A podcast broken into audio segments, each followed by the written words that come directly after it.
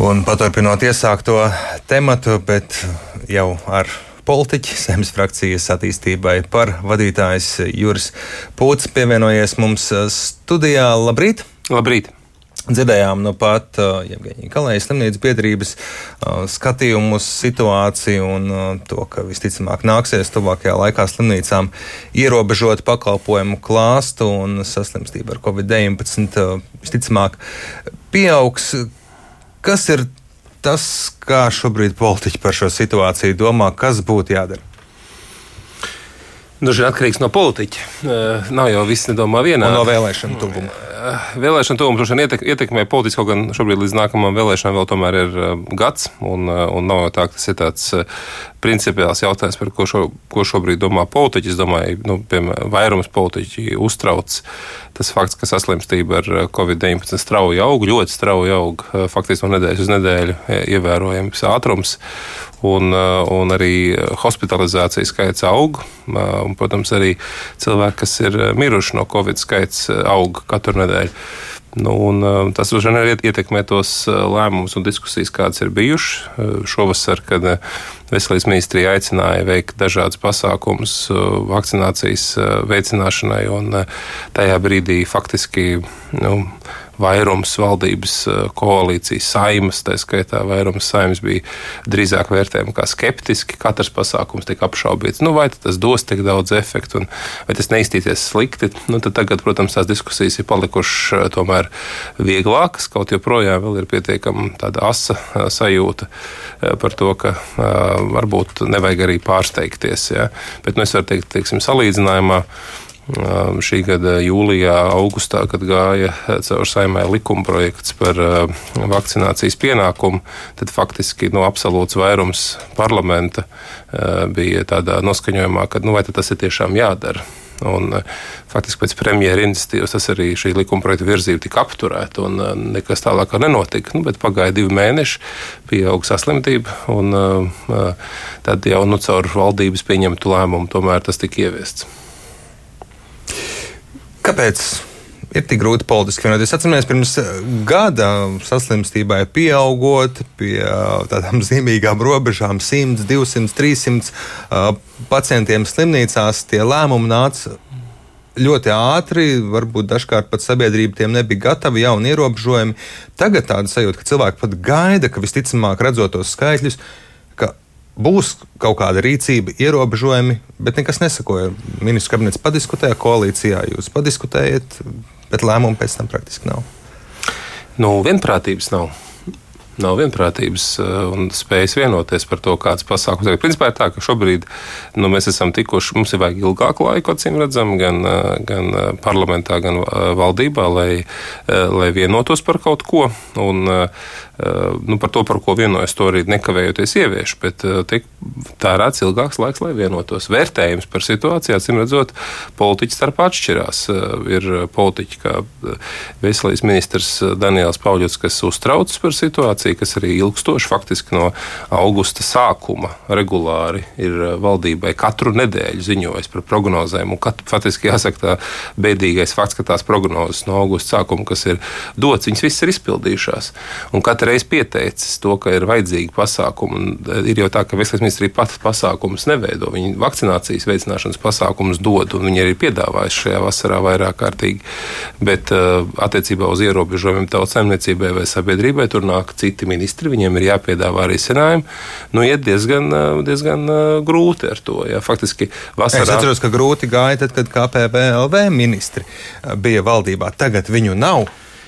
Nu, redziet, vērtējums ir nu, teiksim, vasaras periodā. Uh, valdības locekļi. Nu, kā, nu, skatīsimies to situāciju tā. Tas, kas ir mainījies, ir vakcīna. Un, uh, es domāju, ka absolūts vairums valdības locekļu un, un, un uh, politiķu uzskata, ka tas risinājums problēmai ir pieejams. Un, faktiski šīs pavasara lielās cīņas bija par vakcīnas pieejamību. Tas ir pilnīgi novērsts. Vakcīnas ir pieejamas pilnīgi brīvi, bez jebkādiem ierobežojumiem. Kurā mirklī cilvēks vēlētos vakcīnu, viņš var dabūt vakcīnu. Un, e, varbūt viena daļa politiķi nesaprot to, bet kāpēc puse no Latvijas sabiedrības nav vēl joprojām to izdarījusi? Un, un viņiem e, diezgan dabiski šķiet, ka tie cilvēki, kas ir jau to izdarījuši, viņus nevajadzētu ar kaut kādiem papildus ierobežojumiem kaitināt Savukārt tie, kas to nav izdarījuši, nu, ir šaubas par to, vai jebkurš no pasākumiem veicinās šo viņu lēmumu vakcinēties. Un tāpēc iet lēnāk. Tas, kas ir mainījies no tā viedokļa, tobrīd vakcīnas nebija, alternatīva nebija. Ar to bija jāpieņem ierobežojumi. Tagad liekas, ka primārais uzdevums ir panākt, lai cilvēki vakcinētos. Paldies Dievam, vakcinācijas temps ir pieaudzis. Atcīm redzot, arī sabiedrība tomēr reaģē dzird ziņas, redz, ka tomēr tas saslimušo skaits pieaug. Es tiešām visus Latvijas sabiedrību, tie, kas to vēl nav šo izvēli izdarījuši, aicinātu vakcinēties. Tas ir ļoti svarīgi viņiem personiski un arī Latvijas sabiedrībai kopumā. Mm, bet, eh, nu, diemžēl, tas temps vēl nav pietiekami ātrs. Bet tad vienlaikus veselības ministrija ir jūsu paspārnē ar jūsu ministru, tad pārējie valdības locekļi liek sprunguļus riteņos, kad jūs gribat veicināt vakcināciju, lai neizstāst pēc jūsu panākumu. Nu, tas jau viss ir bijis publiski redzams. Nu, ir, es nezinu, vai iemesls ir. Domāju, ka nav politisks iemesls. Nav tā, ka vēlas mums riept latviešu valodā sakot. Ja? Bet nu, tas viss ir bijis redzams. Nu, bija pieprasījums, lai ir pozitīvs pozitīvu stimulu vakcinācijai, lai nav tikai negatīvu stimulu vakcinācijai. Radīja vakcinācijas eh, loterijas likuma projektu, to saimā nevirzīja. Viens no mūsu koalīcijas partneriem faktiski to norāva ar savu pozīciju. Bija pieprasījums pēc tā, ka vajag zināmām profesiju grupām pateikt, ka viņiem tomēr obligāti ir jādara. Bija sagatavots likuma projekts. Eh, nu, Premjerministrs šo likuma projektu apturēja, viņa virzību eh, nevirzīja nekur. Stāvēja divus mēnešus jautājums, kamēr valdībā principā identisks risinājums tika pieņemts. Ehm, nu, tādas problēmas ir bijušas. Nedomāju, ka iemesls ir bijis tādā ziņā politisks, kā konkurence. Politiskā konkurence ir ietekmējusi to. Domāju, ka ir bijuši citi faktori, kas ir ietekmējuši vērtējumu, kā sabiedrība pret to attieksies. Vai nebūs pārāk asa reakcija, vai netiks uzskatīts, ka valdība ir, ir pārāk eh, agresīva eh, savā rīcībā. Un tie faktori, faktori faktiski ietekmē droši vien lēmumu pieņemšanu. Kurš tad politiskais spēks par norauj visu šo, kā jūs teicāt. Nu, ir, eh, eh, nu, tas atkarīgs no jautājuma. Nav viens tāds, kas vienmēr stāv pozīcijā, ka nevajag vakcinēties. Ir, eh, kā jau tad, esmu minējis, to jau arī viņi lielākoties tā diskusijas ir bijušas publiskas un ir bijušas sabiedrības acu priekšā, un to ir visi redzējuši. Par, piemēram, vakcinācijas loterijas likuma projektā bija jaunā konservatīvā partija, par vakcinācijas pienākumu tas bija premjeras pats. Par nu, ierobežojumiem tirdzniecībā, piemēram, tā ir Nacionāla apvienība. Tie ir nu, katru reizi cits situācija. Respektīvi, kura ministrija pārziņā vai kura lobby vairāk ietekmīgi ir? Es domāju, ka nevis lobbyis un ministrija šajā gadījumā ietekmē, bet ietekmē vērtējums. Kāds ir attiecīgajam politiskajam spēkam vērtējums par konkrētā pasākuma reakciju sabiedrībā pret šo konkrēto pasākumu? Kopējā kolektīva valdības atbildība tādu šobrīd neredz katrs pats par sevi?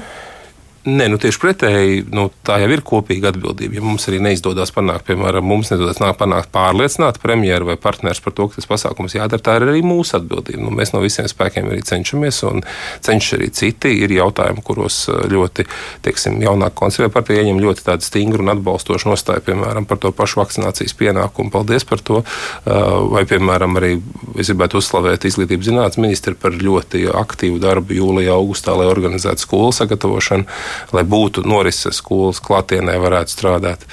Um, nu, šie visi ir procesi, kur ir gan, nu, gan palīgi, gan arī tādi, kas ir jāpārliecina. Tas ir normāls demokrātisks process.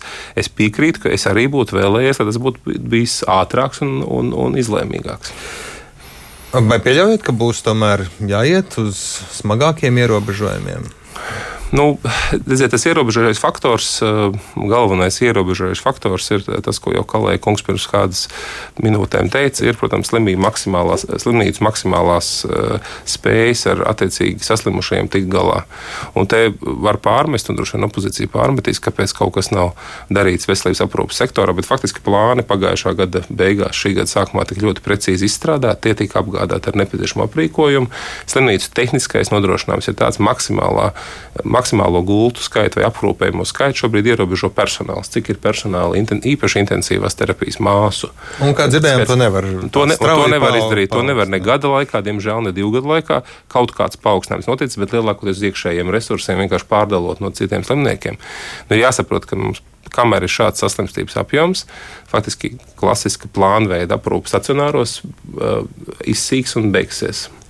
Tā vietā faktiski aprūpēs tikai akūtos pacientus un covid slimniekus. Un tā faktiski ir, ir galvenokārt nevakcinētus cilvēkus, kuru personiskās izvēles ir noveduši pie tā, ka visa sabiedrība nesaņem nu, nepieciešams uh, medicīnisko palīdzību. Un tā, tā ir smaga atbildība arī šiem cilvēkiem personiski. Es ļoti ceru, ka viņi pārdomās pārējie cilvēki, kas šobrīd vēl tādu lēmumu nav izdarījuši.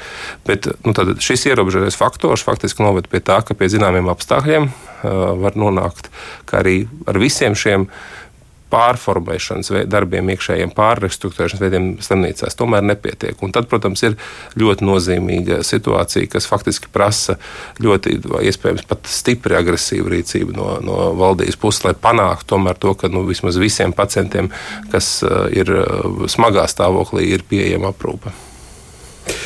Par agresīvo rīcību runājot, uh, kas ir tās rīcības, ko jūsu politiskais spēks ir gatavs piedāvāt, piemēram, šodien pat koalīcijā, apspriest un mēģināt panākt vienošanos, lai situāciju uzlabotu? Ne, nu, šodien pat koalīcijā turpināsies eh, diskusija par eh, vispārēju ierobežojumu politiku, par to, kāda ierobežojuma ir vai nav nosakāma attiecībā uz, uz eh, nu, tā, tā, ja es varu pateikt precīzi, mums ir kaut kas jādara. Mēs redzam, ka slimība ļoti strauji izplatās. Galvenais izplatības kanāls tomēr ir nevakcinētu personu savstarpēji kontakti. Eh, un eh, nevakcinētu personu savstarpējo kontaktu ierobežošana, eh, atrast veidu, kā to izdarīt, tomēr vienlaikus saglabājot ekonomikas funkcionēšanu un sabiedrības funkcionēšanu, ir milzīgs izaicinājums. Un te ir jāturpina diskusija par to, kā to atrast visefektīvāk. Līdz šim piedāvātie risinājumi tur vienai daļai politiķi nepatīk, nevar, nav gatavi tās lēmumus pieņemt, jāmeklē citi, kas to izdarīs. Tas ir pašlaik. Jāmeklē citi politiķi? Risinājumu. Citi risinājumi. Politiķis būs iespēja meklēt, ja kādam vajadzēs pēc apmēram gada. Vai šie jaunie politiskie spēki, kuri kritizē katru valdības lēmumu, tie ir tie, kādēļ ir nu, grūtāk vienoties, vai ne? Nu, nē, tādu, tādu sajūtu man nav. Faktiski eh, ne, es neredzu tādu objektīvu tiešu sasaisti starp šiem jautājumiem. Nu, ir, ir skaidrs, ka ir cilvēki, kas mēģina uh, baidīt sabiedrību, precīzāk, izmantot tās, tā, tās neskaidrības un bailes, kas sabiedrībā pastāv savās interesēs. Nu, tas nav nekas jauns politikā, un, un tāda būs vienmēr. Bet es nejūtu teiksim, diskusijās valdības koalīcijā, kas nozīmīgi ietekmētu. Paldies par sarunu. Paldies jums. Saimas frakcijas attīstībai par vadītājs Juris Pūts ar mums sarunājās.